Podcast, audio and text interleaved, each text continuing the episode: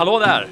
Hallå på dig själv du, Thomas Jennebo. Hampetorps eh, pärla befinner vi oss i och äntligen då har vi så här jättehärligt vårväder. Det, är ju, det har ju varit lite sisådär såklart. Det är det alltid förresten då. Det är väl aldrig det där fina Fast- vädret. Man drömmer bara.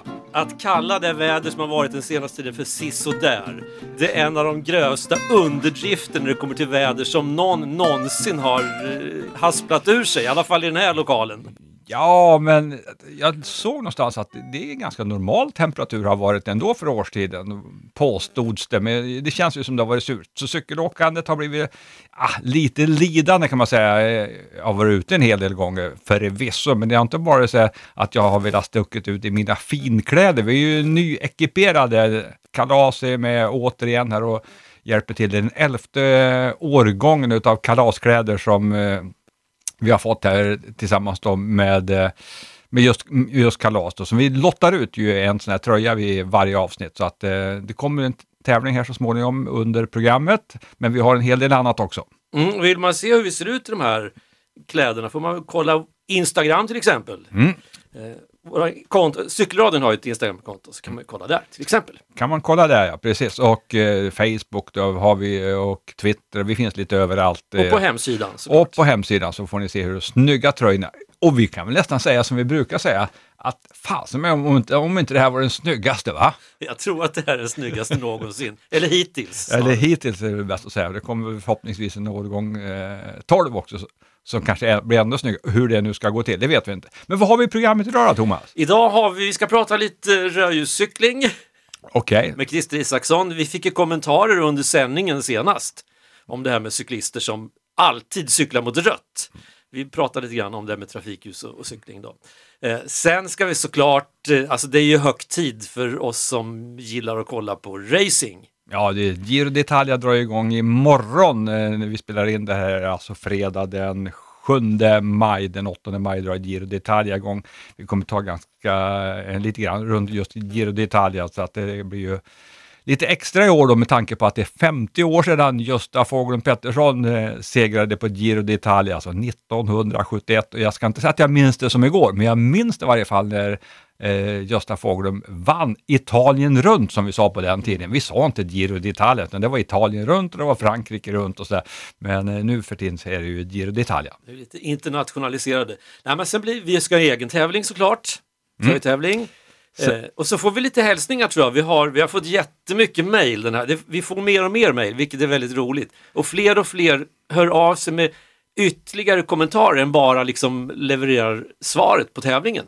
Mm. Och sen fick jag sen får jag, fick ett mejl också från ett försäkringsbolag, alltså som är tio förslag för en hållbar utveckling för Sveriges cyklister. Det var lite spännande. Så det ska vi redogöra lite grann för hur ett försäkringsbolag ser på det här med oss som cyklister och vad vi kan bidra med och vad samhället kan göra för oss. Just det. Vi, vi kan göra för samhället och samhället för oss. Vi jobbar tillsammans. Precis, Ja. det, är så, det är så vi jobbar. Ja, det är Precis. så vi jobbar. Ja, Och sen tänker jag, eftersom det då är girot som står inför för dörren, vad säger man? Så, ja, det blir italienskt tema på musiken. Härligt. Såklart.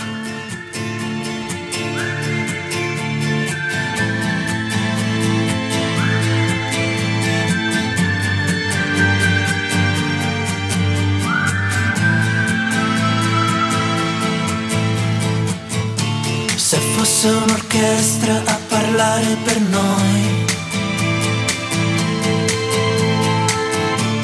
sarebbe più facile cantarsi un addio.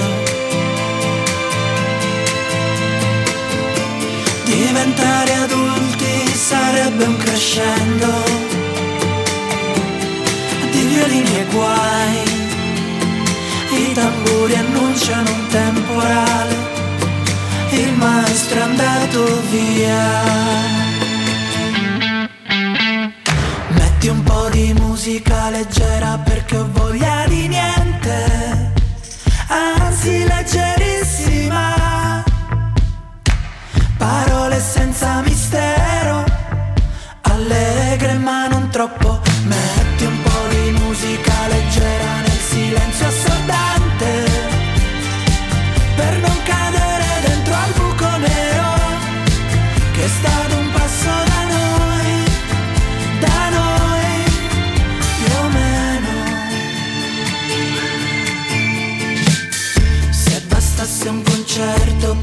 nascere un fiore. Tra i palazzi distrutti dalle bombe nemiche. Nel nome di un Dio che non esce fuori col temporale. Il maestro è andato via. Metti un po' di musica leggera perché ho voglia di niente.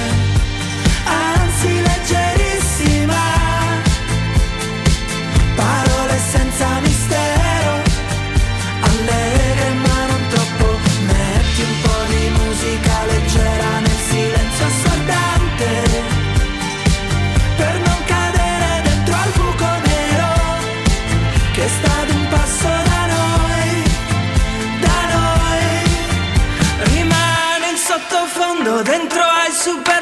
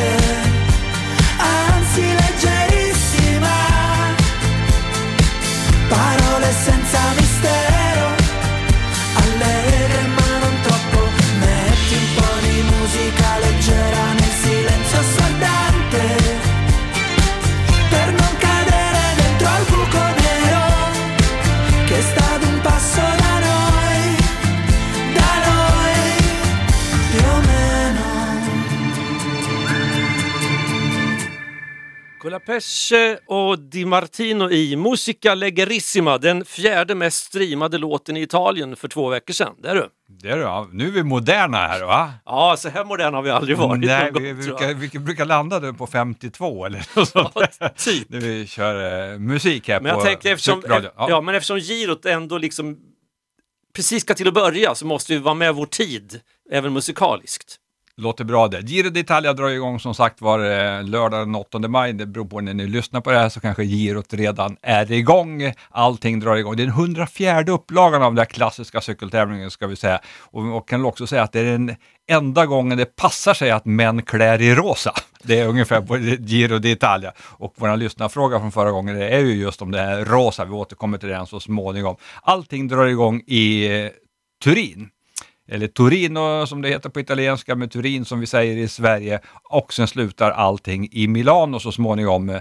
Eh, och det är en tempoetapp som inleder hela Giro d'Italia och det är en tempoetapp som avslutar hela Giro d'Italia. Och vi har ju sett stora förändringar på girot eh, de senaste åren när vi har haft en tempoetapp på slutet. Många tycker att det borde man ju också ha på Tour de France, men det har ju inte varit aktuellt sedan 1989 när det handlar om Tour de France. Däremot Giro d'Italia, de är ju förtjusta i en tempoetapp in till eh, Milano och eh, utanför domen där man brukar ha målgången. Hur som helst så drar det här igång som sagt var med en ganska kort temposträcka, 8,6 kilometer i de centrala delarna av eh, Turin och den stora favoriten till att vinna den här första eh, etappen det är hemmasonen från Verbania uppe vid Lago Maggiore. Där kommer han Filippo Ganna som är makalöst stark på tempoloppet. Men jag har skickat ut det, så gjorde jag redan för någon vecka sedan, att han kommer få stryk, Filippo Ganna nu. Och, eh, ja, det, och det ingen som tror att han kommer få stryk. Men jag tror att Remco Evenepoel som gör comeback efter nio månaders frånvaro, vurpade på Lombardiet runt eh, i, i fjol och har inte tävlat någonting utan kommer nu till Giro d'Italia. Den är Remco Evenepoel som vi pratat så många gånger om här på cykelradion. En unik talang, född år 2000, började cykla 2017. Började han cykla efter att ha varit med det, det belgiska landslaget i fotboll för U16-spelare och sen blev han cyklist och han är ju sån supertalang och är så motiverad. Jag tror till och med att han kan ta den rosa ledartröjan här. Eh, skulle vara helt sensationellt på något sätt med tanke på att han inte har tävlat på nio månader efter den där eh, vurpan. På tal om vurpor så är det en annan cyklist som gör comeback här. Det är ju Dylan Schranevägen, spurtaren, holländaren i Jumbo Visma som i fjol på Polen runt trängde Fabio Jakobsen eh, så illa så att Jakobsen vurpade på upploppet och fick omfattande skador. Fabio Jakobsen är tillbaka på cykeln. Dylan Groenewegen har haft en lång avstängning men är nu fri från avstängningen och ska göra comeback då på Giro d'Italia återstår att se om man törs blanda sig i spurterna, om man törs köra som en spurtare, axel mot axel, armbåge mot armbåge. Och så man måste vara. Eh, han kommer att vara ifrågasatt, var så säkra. Så det kommer att bli spännande att följa, framförallt den inledande veckan då, som handlar mycket om eh,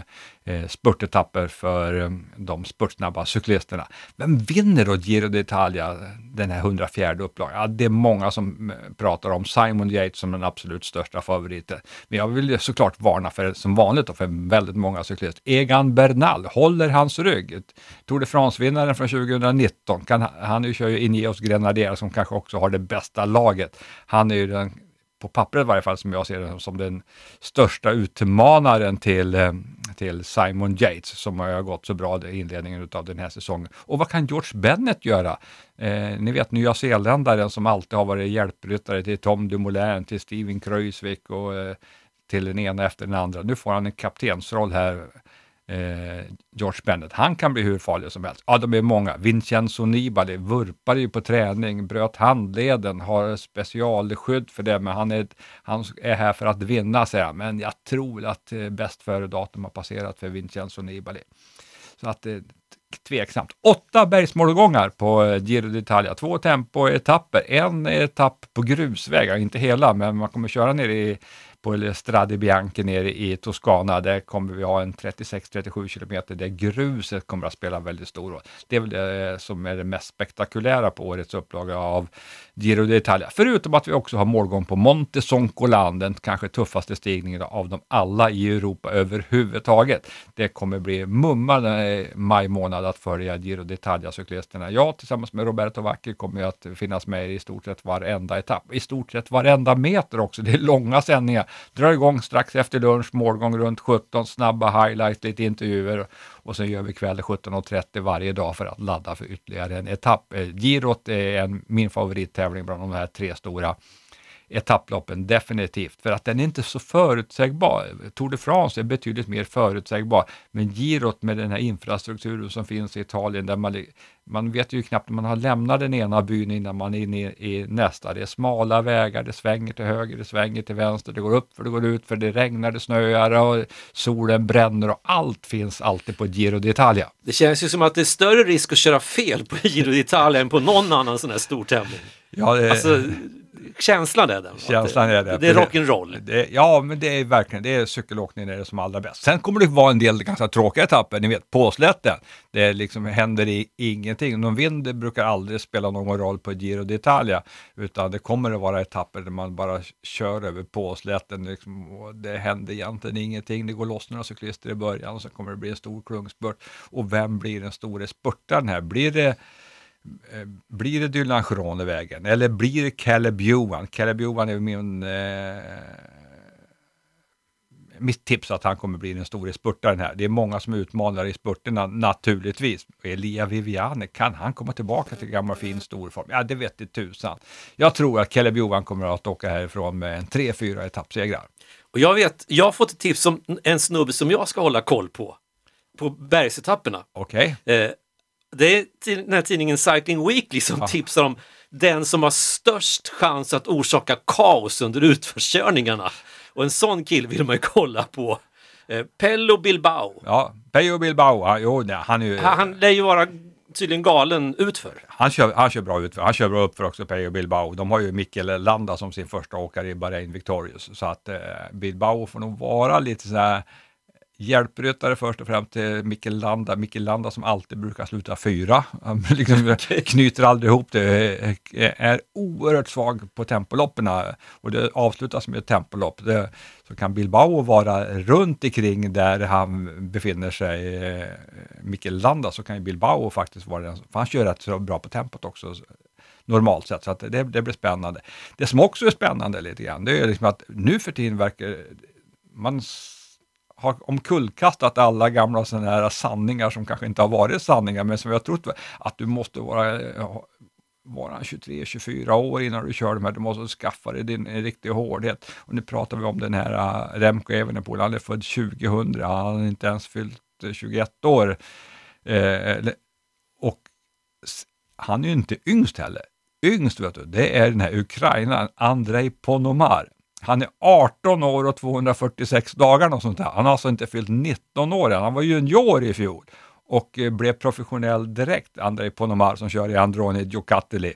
Och eh, den är Ponomar, han debuterade ju som cyklist alltså på seniornivå med Milano Sanremo, 300 kilometer, var hans första cykeltävling. Och eh, bara det är ju eh, sensationellt. Och det, han gick ju runt. Han var tre minuter efter Wout van Aert i mål efter 300 kilometer. Nu ska han också köra Giro d'Italia. Undrar om det är alldeles för hårt för den här eh, supertalangen. Det är ju det vi gamla rävar säger. Men på något sätt, det är en ny tid som gäller nu. Man kanske får göra om de här kriterierna för ungdomströja. Det kanske får bli tonårströja i framtiden. Ja, alltså nu, de får ju den upp till de 25 Ja. år liksom. Det är ju, det är ju inga ungdomar längre. Nej, men jag kan ju tänka mig med tanke på hur, hur det var tidigare. Att, ja, men de här kidsen ska väl ha något att tävla Ja. om. De som inte har fyllt 25, Ja. de får tävla om en tröja. Ja, det är, För de har ingen chans på det andra i alla fall. Nej, det är ju så resonemanget har gått. Ja. Men nu tenderar det ju till att eh, den som vinner också är den yngste te- eh, vinner ungdomströjan. Så liksom, det blir liksom tårta på tårta. Det känns inte så bra. Det var om Giro d'Italia. Ni får följa det på Eurosport. Eh, och så får vi se om vi kommer in med någon cykelradion under girot här eller om vi väntar tills Giro d'Italia är slut. Det väl visar sig, Det visar sig. Då får ni hålla utkik på dem, ja, där ni brukar hålla utkik efter cykelradio.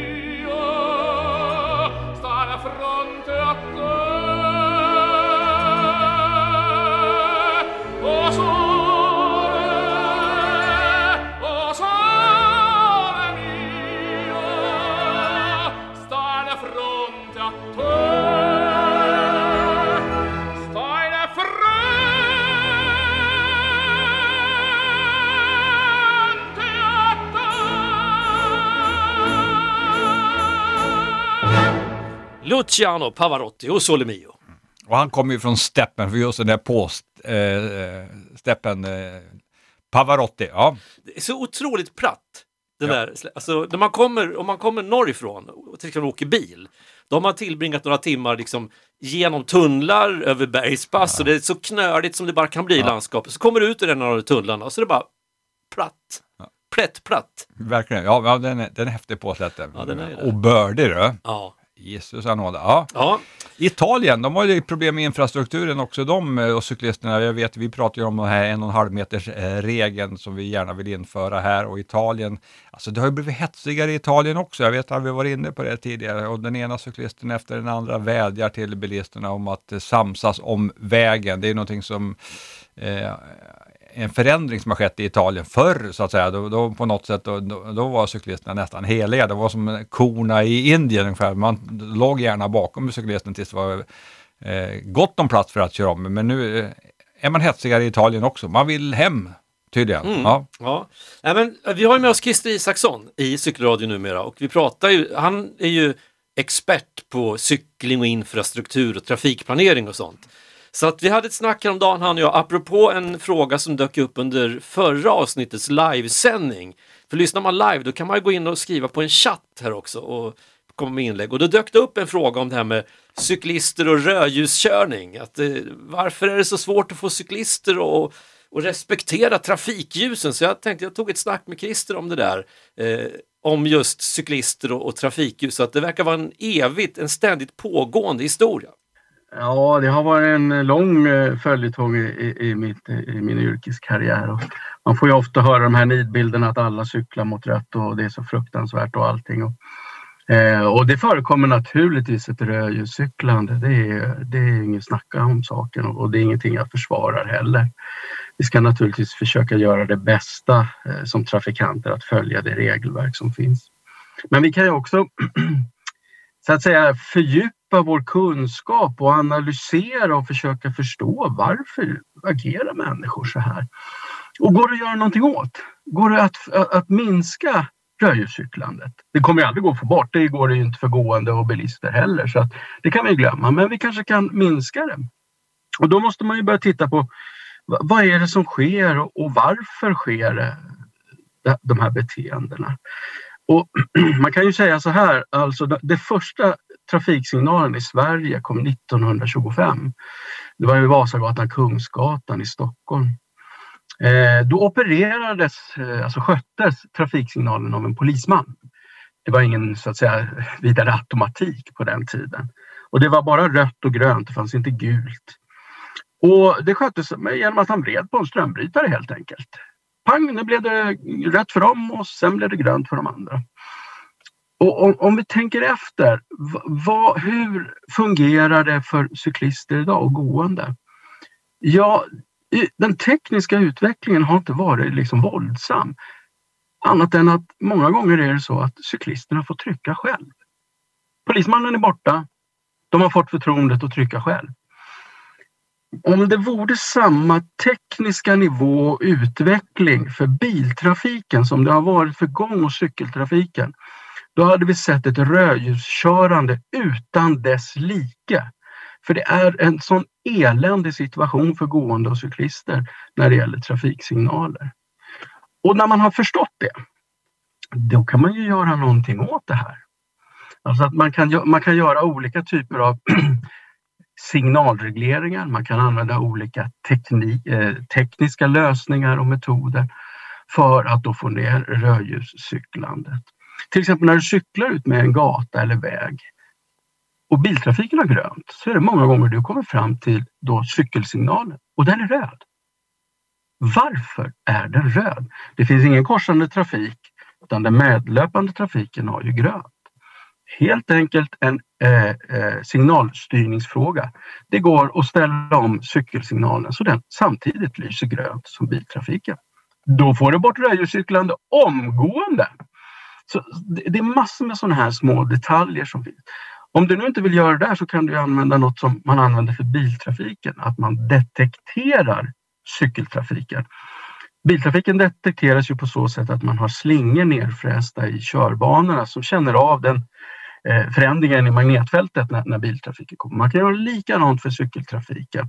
Och då när du så att säga programmerar trafiksignalen att nu känner den av en cykel och så kan man då säga att man cyklar ungefär 20 kilometer i timmen. När man kommer fram till trafiksignalen, då har den som för biltrafiken slagit om till grönt. Så behöver du inte stanna och trycka på den här knappen och vänta och vänta och vänta. Så det är egentligen att, att hantera cykeltrafiken som vi hanterar biltrafiken. Och då kommer det försvinna. I stort sett. Det kommer fortfarande naturligtvis. Men, men du, du kommer få bort så ofantligt mycket för att du kan hantera det på ett professionellt sätt helt enkelt. Det, det är grunden. Var precis lika noggrann och omsorgsfull som vi är för biltrafiken.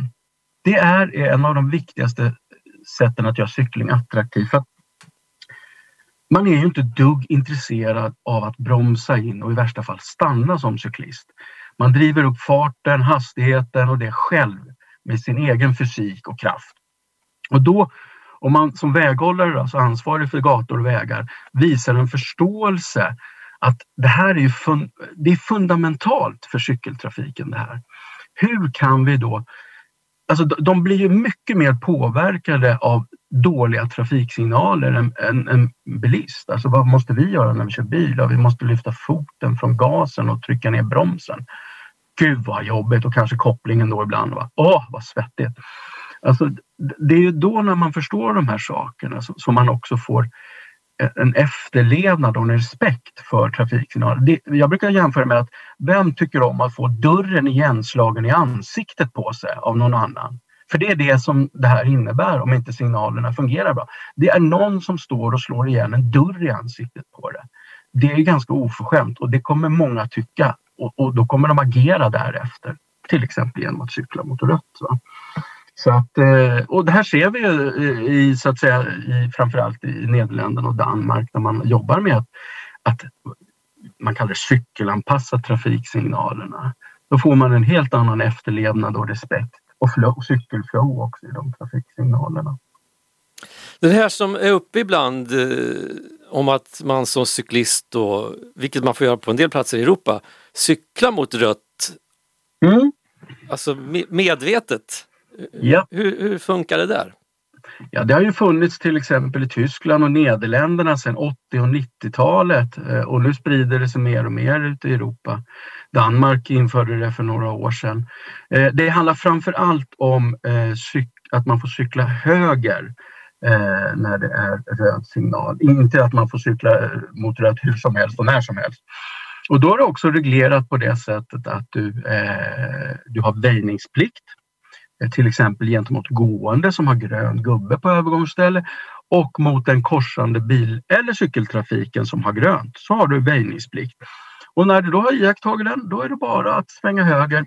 Det här skyltas också och talas om, det är inte alla korsningar, utan man är väldigt tydlig och informerar. Och det här visar ju då de utvärderingar och uppföljningar som görs att det här fungerar utmärkt. Och om vi tänker efter, det här har vi på jag skulle säga tusentals ställen för biltrafiken. Det tar vi för givet och ingen reflekterar över det. Det är till exempel när du har gjort på så sätt att rakt fram, du kommer fram i en korsning, rakt fram så omfattas du av trafiksignalen. Och många gånger finns det ett högersvängsfält som inte är signalreglerat utan det, står, det sitter en väjningspliktsskylt där. Till och med att det finns övergångsställen. Men då får vi klagomål där. Det här kommer inte funka för cykel, det är livsfarligt. Men för en tvåtonsbil är det uppenbarligen inte några som helst faror. Det är bullshit. Det fungerar utmärkt att göra det här för cykeltrafik. Men vi är så djupt rotade i det här att och egentligen ska vi nog inte säga cykla mot rött vid höger utan det som man gör är att man undantar cykeltrafiken från trafiksignalen. De får inte cykla mot rött utan de undantas från trafiksignaler. Det är två helt olika saker. Men det är djupt rotat där. Det är rött, stanna, Allting annat är livsfarligt. Och det är en annan sån här, eh, ska vi säga, tokig uppfattning man har att trafiksignaler handlar om trafiksäkerhet. Det är inte alls grunden för trafiksignaler. Det handlar om att reglera när trafik ska stå stilla och när trafik får röra sig. Det, det är grunden för trafiksignaler, inte att eh, åstadkomma en hög och bra trafiksäkerhet. Då finns det andra lösningar att föredra, till exempel cirkulationsplatser. Så det kanske är ett litet feltänk då, att vi tror att en ljusreglerad korsning är en säker korsning och att därför är det fullständigt livsfarligt om man då som cyklist skulle få svänga höger mot rött. Då, så att säga. Ja, ja, visst finns det den uppfattningen. Och för det är bara att tänka efter att vi säger, de som har den här uppfattningen att det, det är kanonsäkert. Alltså vi ställer all tillit till tre färger. Det är vad, vad säkerheten bygger. Och vad händer när människor medvetet eller omedvetet begår misstag i sådana här korsningar? Farten är förhållandevis hög då på de som inte står stilla. För de utgår ju från att de har grönt, alla andra har rött. Jag kör bara. Om vi då ersätter den till exempel med en cirkulationsplats eller andra fartdämpande åtgärder. Då kommer, människor, kommer, människor kommer fortsätta göra misstag, medvetet och omedvetet. Men då är hastigheten på den inblandade biltrafiken så avsevärt mycket lägre. Så när de här olyckorna sker så blir konsekvenserna någonting helt annorlunda än det blir eh, vid de här signalregleringarna. Så att eh, det det där eh, det är otroligt viktigt att ha klart för sig vad, vad, vad, vad, liksom, vad i grunden handlar om. Men jag är övertygad om att med, med en eh, vad ska vi säga, eh, cykelvänlig regering så det är bara att ge uppdrag till Trafikverket att nationellt testa det här så som man gjorde i Danmark. Ett stort nationellt test och med för och efterstudier och så kommer man till en slutsats att det här fungerar ju utmärkt. Det gör det ju för biltrafiken. Så att, eh, det är vad jag ser framför mig om några månader eller några år. Om, men om du håller ditt fuktade finger i luften då och känner varåt vindarna blåser, är det rimligt att tro att vi kommer att få en ändring på den här fronten? Så att vi blir mer lika Danmark till exempel? Nej, inte så länge vi har den här regeringen. Definitivt inte. Det har de ju redan visat hur, hur, vad det är för jävla galna eh, regeländringar de håller på med och vilka smulor de, de ger till cykeltrafiken i, i sken av att, att det är storslagna cykelsatsningar. Så det kommer ju inte hända. Naturligtvis är jag mer optimistisk än för 20 år sedan. Då pratade man ju överhuvudtaget inte om cykel. Va? Men, men det går ju inte våldsamt fort heller. Det, det måste man ju konstatera. Ja, han ser ändå ett ljus i mörkret, även om det inte är ett trafikljus kanske. Men Nej, men eh, ändå, kul att höra honom liksom prata om de här sakerna. Det ger ju mig i varje fall lite så här bra argument när jag diskuterar eh, med mina kompisar om olika regler, hur vi, varför man gör som man gör och så vidare. Så att jag hoppas att ni som lyssnar också får lite härliga argument att trycka på vidare i bekantskapskretsar, på fikarum eller vad det nu kan vara någonstans. För visst behöver vi en eh, bättre cykelmiljö. Definitivt. Alla pratar ju e-, egentligen om det politiskt, men det händer ju som sagt var inte speciellt mycket. här är det väldigt långt till verkstad i de här sammanhangen. Men man kan också hoppas på det som vi var inne på lite också i förra avsnittet, att, att det blir fler och fler beslutsfattare på olika nivåer som faktiskt börjar cykla. För det är då när man sitter där på sin cykel och kommer fram till det trafikljuset som visar rött fast egentligen så är det grönt. Och jag måste stanna, leta rätt på den där knappen och trycka och upp på cykeln igen och köra iväg. Det är lite småbökigt va? och det är bökigare för vissa än för andra också. Va? Jag brukar ju träna med, liksom, eh, se jag ser mig själv, och undrar hur de tänker det. För jag försöker ju aldrig sätta ner foten. Va? För det, det, har, det har ju, vet vi också att en cyklist vill ju aldrig sätta ner foten, man vill ju fram. Så jag står och balanserar där och tänker, varför är en gammal gråhårig gubbe som håller på att balansera vid rödljuset där? Ah, och ibland bär jag ju också en snygg cykelkeps också, så jag undrar vad de tänker egentligen. Men det för, han, kommer, han kommer inte iväg, Nej, han har precis, fastnat. precis. Ah, jag skiter jag tycker det är lite roligt i varje fall. Det är barnet i mig är lite att stå och balansera på cykeln. Ja. Där. Ja. Och mycket av cykling är ju faktiskt kul och livsbejakande. Och förra avsnittet så hade vi också med ett, ett en litet segment, oväntat bra cykling. Man kan dyka på oväntat bra cykling. Jag vet inte om att stå och balansera vid ett rödljus är oväntat bra cykling. Eh, men eh, ibland så dyker det upp såna grejer mitt när man minst anar. ja, visst är det på det viset. Vi fick ju ett, eh, ett mejl, jag har fått flera mejl, men bland annat Anders Åberg nere i Lund. Liksom, Han har ju bott i Lund sedan 2006 och eh, kom från eh, Malmö just till Lund. Men sen, han tyckte han hittade så jädrans dåligt i, i, i, i Lund. Alltså. Så han stack iväg till kommunhuset och fick en karta. Och sen bestämde han sig jag ska cykla varenda gata som finns i Lund. Dels får jag liksom eh, lite vardagsmotion och sen så får jag liksom också en chans att lära känna min nya stad på ett helt annat sätt. Och det där är ju ett bra tips och det där har jag varit inne på ibland. Liksom, vad fan ska man göra på vintern? Jag kan cykla lite gator och sånt där. Så att Tack för det ti- tipset eh, Anders. Och det, det handlar ju inte om att köra alla gator på en och samma dag. Då får man liksom bo i Hampetorp. Då kanske Mm, man då kan fixar man det. fixa Då kan man fixa det, men är en lite större stad så går ju inte det där. Jag gjorde det där när jag var 13 år kanske, 13-14. Eh, bestämde jag mig en, en höst att jag ska cykla alla gator i Örebro. Och det där projektet höll jag på med under en höst, lördagar och söndagar och bet av gata efter gata efter gata. Mamma trodde jag hade fått någon knäpp Ja, fullständigt men, men jag tyckte det var fränt. Och jag har fortfarande, eh, nu har det kommit till så mycket nya gator, men jag kan ibland känna så här när jag är på något knepigt ställe i Örebro att jaha, här har jag cyklat för länge sedan. Jo, men han har ju rätt Anders och du också då som 13-årig kille. Man lär ju känna sin stad på ett helt annat sätt. Jag vet ju jättemånga i Örebro som har eh, alltså många vita kvarter där de aldrig någonsin har satt sin fot eller sitt hjul. De har ingen aning om hur det ser ut. Va? Trots att de kanske är lika gamla som mig, men de har aldrig varit på de där platserna. Så att det är ett sätt att upptäcka sin stad. Det är bra tips där Anders. Bra Tack för tips, Giro di hemtrakt kan vi kalla det. det. Precis, Giro di hemtrakt. Ja. Okej, eh, men du, jag har en liten kortis här också, så apropå, det kanske inte var så behaglig cykling, men eh, Kent Karlsson från Linköping, han skickade i samband med eh, ett frågesvar här också ett liten betraktelse. Eh, han växte upp i Katrineholm och tävlingscyklade från 25-årsåldern i CK Ceres. Och så en dag på 80-talet så dök en gammal Ceres-cyklist vid namn Artur Nord upp i klubblokalen och vi pratade cykel såklart. Vi skulle väl köra fem eller sju mil tempo eh, och Artur sa att det var väl inte så mycket att yvas över.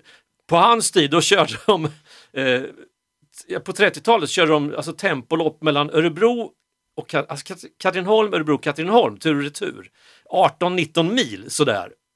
Och så stannar man i Örebro och vände på bakhjulet. Man hade oftast motvind till Örebro, så man hade inga växlar utan annan utväxling då. Så vände man på hjulet och man cyklade tillbaks då. Eh, och eh, ja, men sa de till Arthur, om man satte upp en pokal så skulle vi klämma tempo och 100 kilometer. Och då blev det tempo som kallas för Arthur Nord-tempot. Vändningen skedde strax efter Asker på 52an. Platt och blåsigt var det och en djävulsk pina. Lite lä fick man bland annat förbi Hampetorp. Tyvärr dog tempot ut efter ett tiotal år och det kan man nog förstå. Nåväl, ett trevligt cykelminne strax utanför en välkänd cykelradiostudio fick vi där. Häftigt. Ja, men det är lite häftigt. Men det var, det var ju så också, cykeltävlingar var ju väldigt mycket tempolopp eh, långt tillbaka i tiden. Och de allra första cykeltävlingarna, det var, handlade ju faktiskt inte om att cykla fort, det handlade om att cykla så sakta som möjligt, utan att just sätta ner foten. Och det skedde i, i Paris, på en bana där, liksom, att kunna hålla sig på cykeln så länge som möjligt. Det var det som var den första tävlingen, har jag läst mig till. Så att eh, visst, visst förändrade det sig det. Men sen var det tempolopp. Jag har ju också berättat om när Harry Stenqvist för drygt 100 år sedan, sedan blev eh, olympisk mästare i Antwerpen. Och då var det tempolopp 156 kilometer vill jag minnas att man körde på den tiden. Eh, så att eh, det med tempolopp var viktigt i början och vi får ju eh, jag får på Twitter, jag har en kille där som hela tiden kommer med goda idéer om att utveckla sporten. Och han hamnar ofta på att man ska köra mera tempo för att göra det mer spännande. Jag tror ju precis tvärtom att, eh, att de här tempoloppen är inte så spännande som de här linjeloppen. Det blir lite mer förutsägbart. Det är lätt att veta egentligen vem är- som kommer att vinna på ett helt annat sätt. då. Så att, ah, det- tror jag inte på det, riktigt. Men... Längdskidåkning, där vill vi ha körning mot klockan, cykling, alla på en gång. Ja, fast längdskidåkning vill jag ha, vad fasen, en i taget, vet du, de kommer bakom en tall där liksom. Det är, då är det avgjort efter två kilometer. Det blir, inte så, det blir inte så spännande som det var Thomas, jag är säker. De är så Ja, bra nu vet Alltså, du. vet nu, klungkörning på skidor, det funkar ju inte. Jo, det gör det. Ja, de har 40 spår bredvid varandra, möjligen. Ja, men det, är- det är ungefär som de ska köra på cykel. Nu, blev nu har vi olika åsikter, det hör jag. Det är ungefär som på Flandern runt, ska de köra på en motorväg där för alla ska få plats. Det gäller att ta sig fram till de bästa positionerna. Det gäller för skidåkarna Nu ska, med. nu ska vi lyssna på en låt. Och inte vilken låt som helst.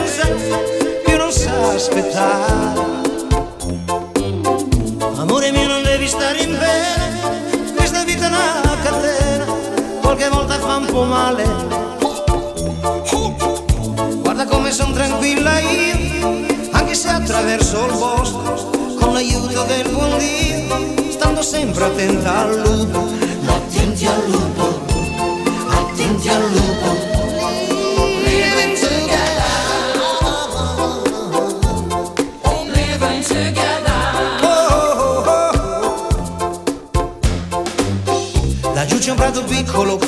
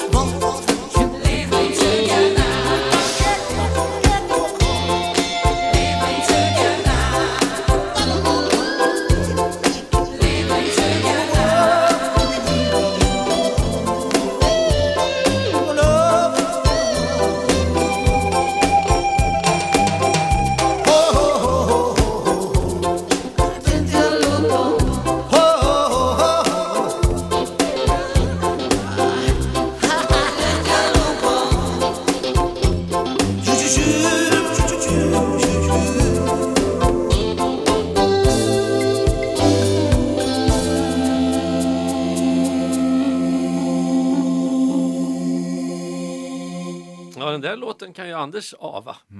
Attenti al lupo med Lucio Dalla. Det är den enda låten jag kan. Jag har ju jag har sagt det många gånger tidigare, jag är helt kass på det med mus musik och sen skådespelare. Vet du, det är, där har jag vita fläckar. Även om jag försöker liksom hänga, hänga med, så det fastnar inte på något sätt. Nej, fast med tanke på allt annat som verkar fastna i din hjärna så jag tror att omgivningen är nog ganska glad för att det, är mest cykelrelaterat det som sitter. Jag är inte den närmsta omgivningen. om vi säger så, de tycker det är bättre man kommer ihåg andra saker. Kan det vara så? En massa cykelresultat. Jo, vi pratade ju lite grann om det inledningsvis, om det här försäkringsbolaget Mm. som, eh, som kommer med tio förslag för, för en, för en eh, hållbar utveckling för Sveriges cyklister. Det är försäkringsbolaget If som har gått ut med ett tiopunktsförslag hur faktiskt det ska kunna bli en mer hållbar och eh, säker då, eh, utveckling för oss cyklister på ett eller annat sätt. Och tittar man lite grann på deras hemsida så kan man ju få upp de här tio punkterna. Men det handlar väldigt mycket, då trodde jag först ska jag säga, att ah, nu ska ni ha hjälm på er och nu ska ni ha armbågsskydd. Och, ah, ah", men absolut inte det, utan det handlar liksom om att våga satsa på en kapacitetsstark och säker cykelinfrastruktur i hela landet, framförallt då med stora pendlingsområdena att införa tvingande definitioner och standard för hur cykelvägar får och ska utformas. Det är ju jätteviktigt naturligtvis för att som det är idag är det mer eller mindre katastrof när de har tänkt till eh, de här trafikplanerarna både på mindre ställen och större ställen. Så det känner vi igen, spelar ingen roll var man befinner sig på jorden. Tänk det här med 2 plus 1-vägar som vi är så nöjda med när vi är bilister. Men vart tar cyklisterna vägen? De ska ju cykla på de här 2 plus 1-vägarna. För man har glömt bort att det finns massvis med människor som också haft det här som sina, innan det blev 2 plus 1-vägar, haft det som sina pendlingsvägar. Finns det ingenting? Tvingande menar man på, på IF här, att det vore att, att det finns en separat eh, cykelväg. Och den ska ju såklart också vara asfalterad kan jag säga. För man ser ju att de har gjort ett och annat försök. Och det är ju katastrof. Jag såg en bro i, var det Hisingsbron eller vad det var i Göteborg här nu då. Så, det. som, det, ja, om de hade otur när de tänkte eller om de var korkade redan när de föddes, det vet jag fasen. Någonting var det. Man lägger alltså gatsten på cykel på cykelbanan och asfalt på vägen och sen får man, har man nu tvingats att precis när bron är färdig att bryta upp det där. och lägga asfalt. Cyklisterna ville tydligen inte ha gatsten, var en av kommentarerna. Ja, Men, man, man blir ju mörkrädd. Va? Och då blir man, tänk om de är så jäkla ruttna på sånt som inte jag känner till också. Då blir man ju eh, bekymrad, Mm. verkligen kan jag säga. men det är spännande med If här nu att de ger sig in i, i liksom en större trafikpolitisk diskussion.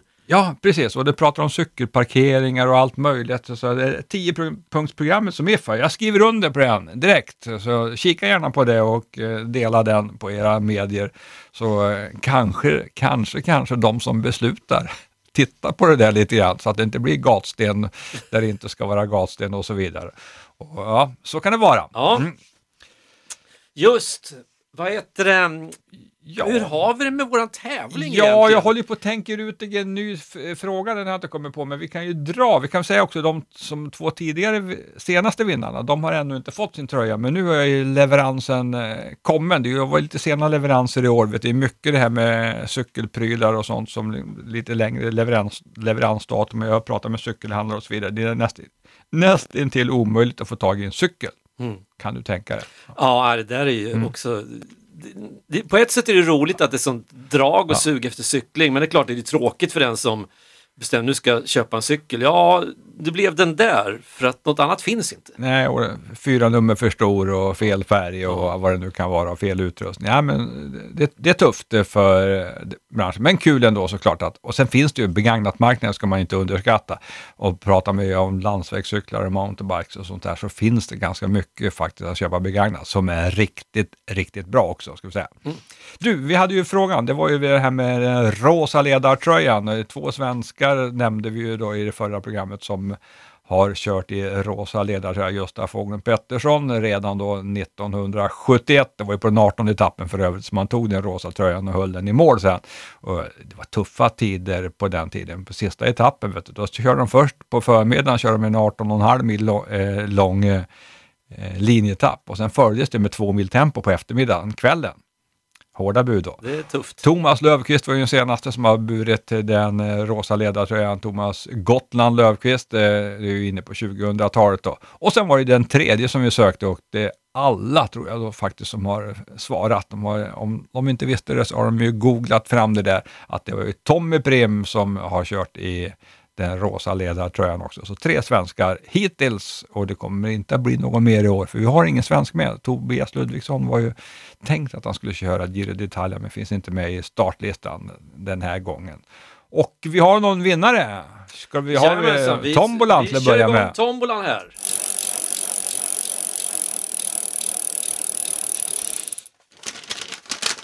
Så vi fångat in ett papper. Eh, Jag tror att det är Tommy Prim som är rätt svar på frågan i tävlingen. Tack för ett utomordentligt trevligt program och hoppas vi ses ut på vårvägarna i Örebro. Mikael Lysegård, Ja, en örebroare. trevligt. Ja, Då ska vi... grattis Mikael, vi fixar väl fram någon slags adress. Och Ja, fixar du en adress så kan väl jag ta och cykla över med den, Ja. tänker jag. Ja. Vi ordnar detta. Det Ska vi kunna. Grattis Mikael, du kommer att eh, vara med i mitt lag då, för vi kommer Mm. vara likadant klädda när vi är ute och cyklar, så det blir ju perfekt det. Ja, hade du hittat på någon fråga till mig nu? Eh, nej, ja, ja, jo, jag har en fråga till dig. Så här. Ja. Du, den här tävlingen, vad blir det för fråga? Ja, det är, jag brukar för er, er som följer så här, så brukar det bli en story runt omkring den där och sen brukar den komma och sen brukar jag tänka, liksom under själva programmet brukar jag tänka, vad ska det vara för fråga den här gången då? Och vad ska det bli för story runt omkring det där? Och det där har inte jag tänkt på just nu, så att eh, jag tror att vi kör en liten låt och sen kommer frågan sen.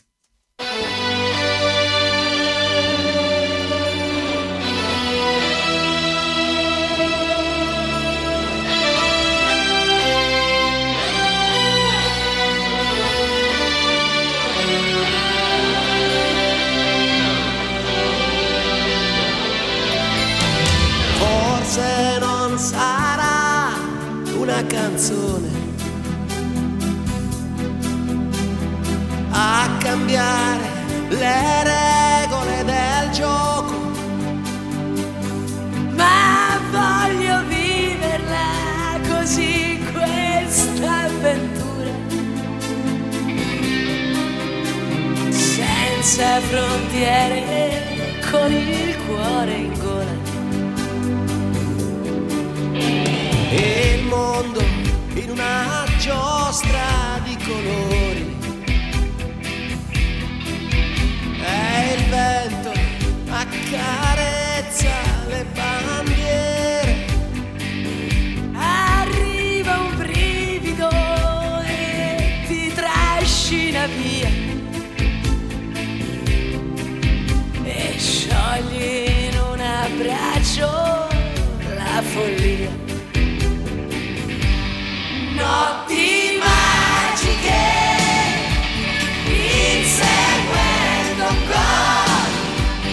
sotto il cielo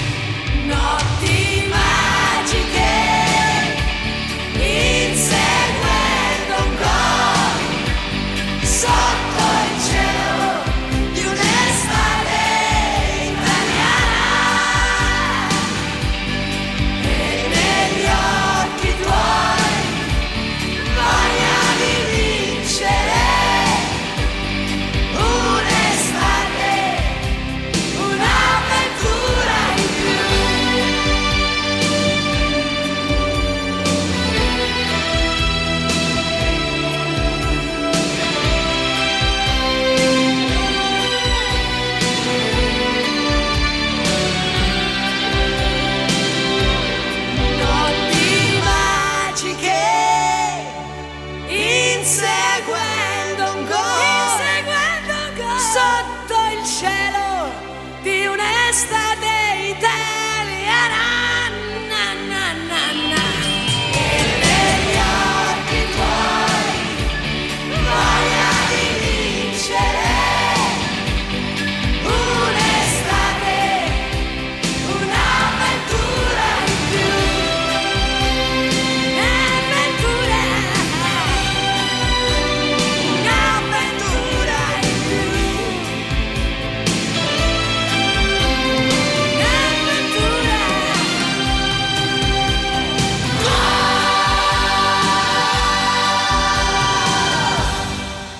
Un'estate italiana, Edoardo Benato, Benato och Gianna Nannini. Ja, det En där var väl eh, 90 va? Ja. Så kör de det. Fotbolls-VM 1990. Yes. Du, på tal om frågor och på tal om eh, stories, jag vet inte om det blir någon story, men det är ju girot på, på gång som sagt var och eh, när jag åkte cykel i Italien på 80-talet, då var det väldigt noga liksom hur, hur man klippte tånaglar och hur man åt sin mat och att man inte åt apelsiner då och fick inte äta choklad och det var det mena. Alltså det var så mycket regler som, var, som gällde cyklister för att man skulle vara bästa möjliga form. Och det där var, det liksom, var ingen liksom plojgrej, utan det, det, var, det var på på allvar. Bröt man mot de där eh, oskrivna reglerna, så att säga, då var det kontraktsbrott mer eller mindre, så då kunde man få sparken. Det hände faktiskt cyklister som vräkte i sig någon chokladbit, att de fick lämna helt enkelt, för att det var, då var man oseriös. Och det fanns, finns mängder av sådana här olika saker som eh, vi som tävlade på den tiden kan vittna om, så att säga.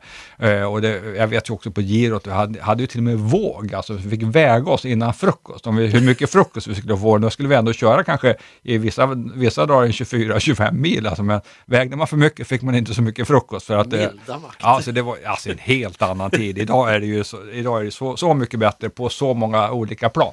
Eh, definitivt. Och en sak som man eh, definitivt inte fick äta, det var, eh, det var ju lite knepigt kan man tycka, för att två av de stora lagen, de var ju sponsorer för just den här produkten som man absolut inte fick äta. Så lyssna frågan den här gången. Vilken produkt var det som Giss gjorde reklam för? Eller för, eh, eller för den delen Samontana. Och Giss och Samontana, det är jätteduktiga cyklister som har kört det. Giss har både Francesco Moser och eh, Beppe Sarone kört för, dock inte samtidigt. Men om ni vet vad Giss eh, är producent av, eller om ni vet vad Samontana är producent för, så eh, skickar ni in det svaret till Redaktionen snabel cykelradion.se. så kan ni vinna en sån här snygg tröja som ni ser på hemsidan om inte allt för lång stund, tänker jag, när Jennebo har fotat den och lagt upp den på hemsidan. Det kan ni vara med och köpa. Så vilken produkt är det alltså som eh, de producerar i GIS eller i Samontana?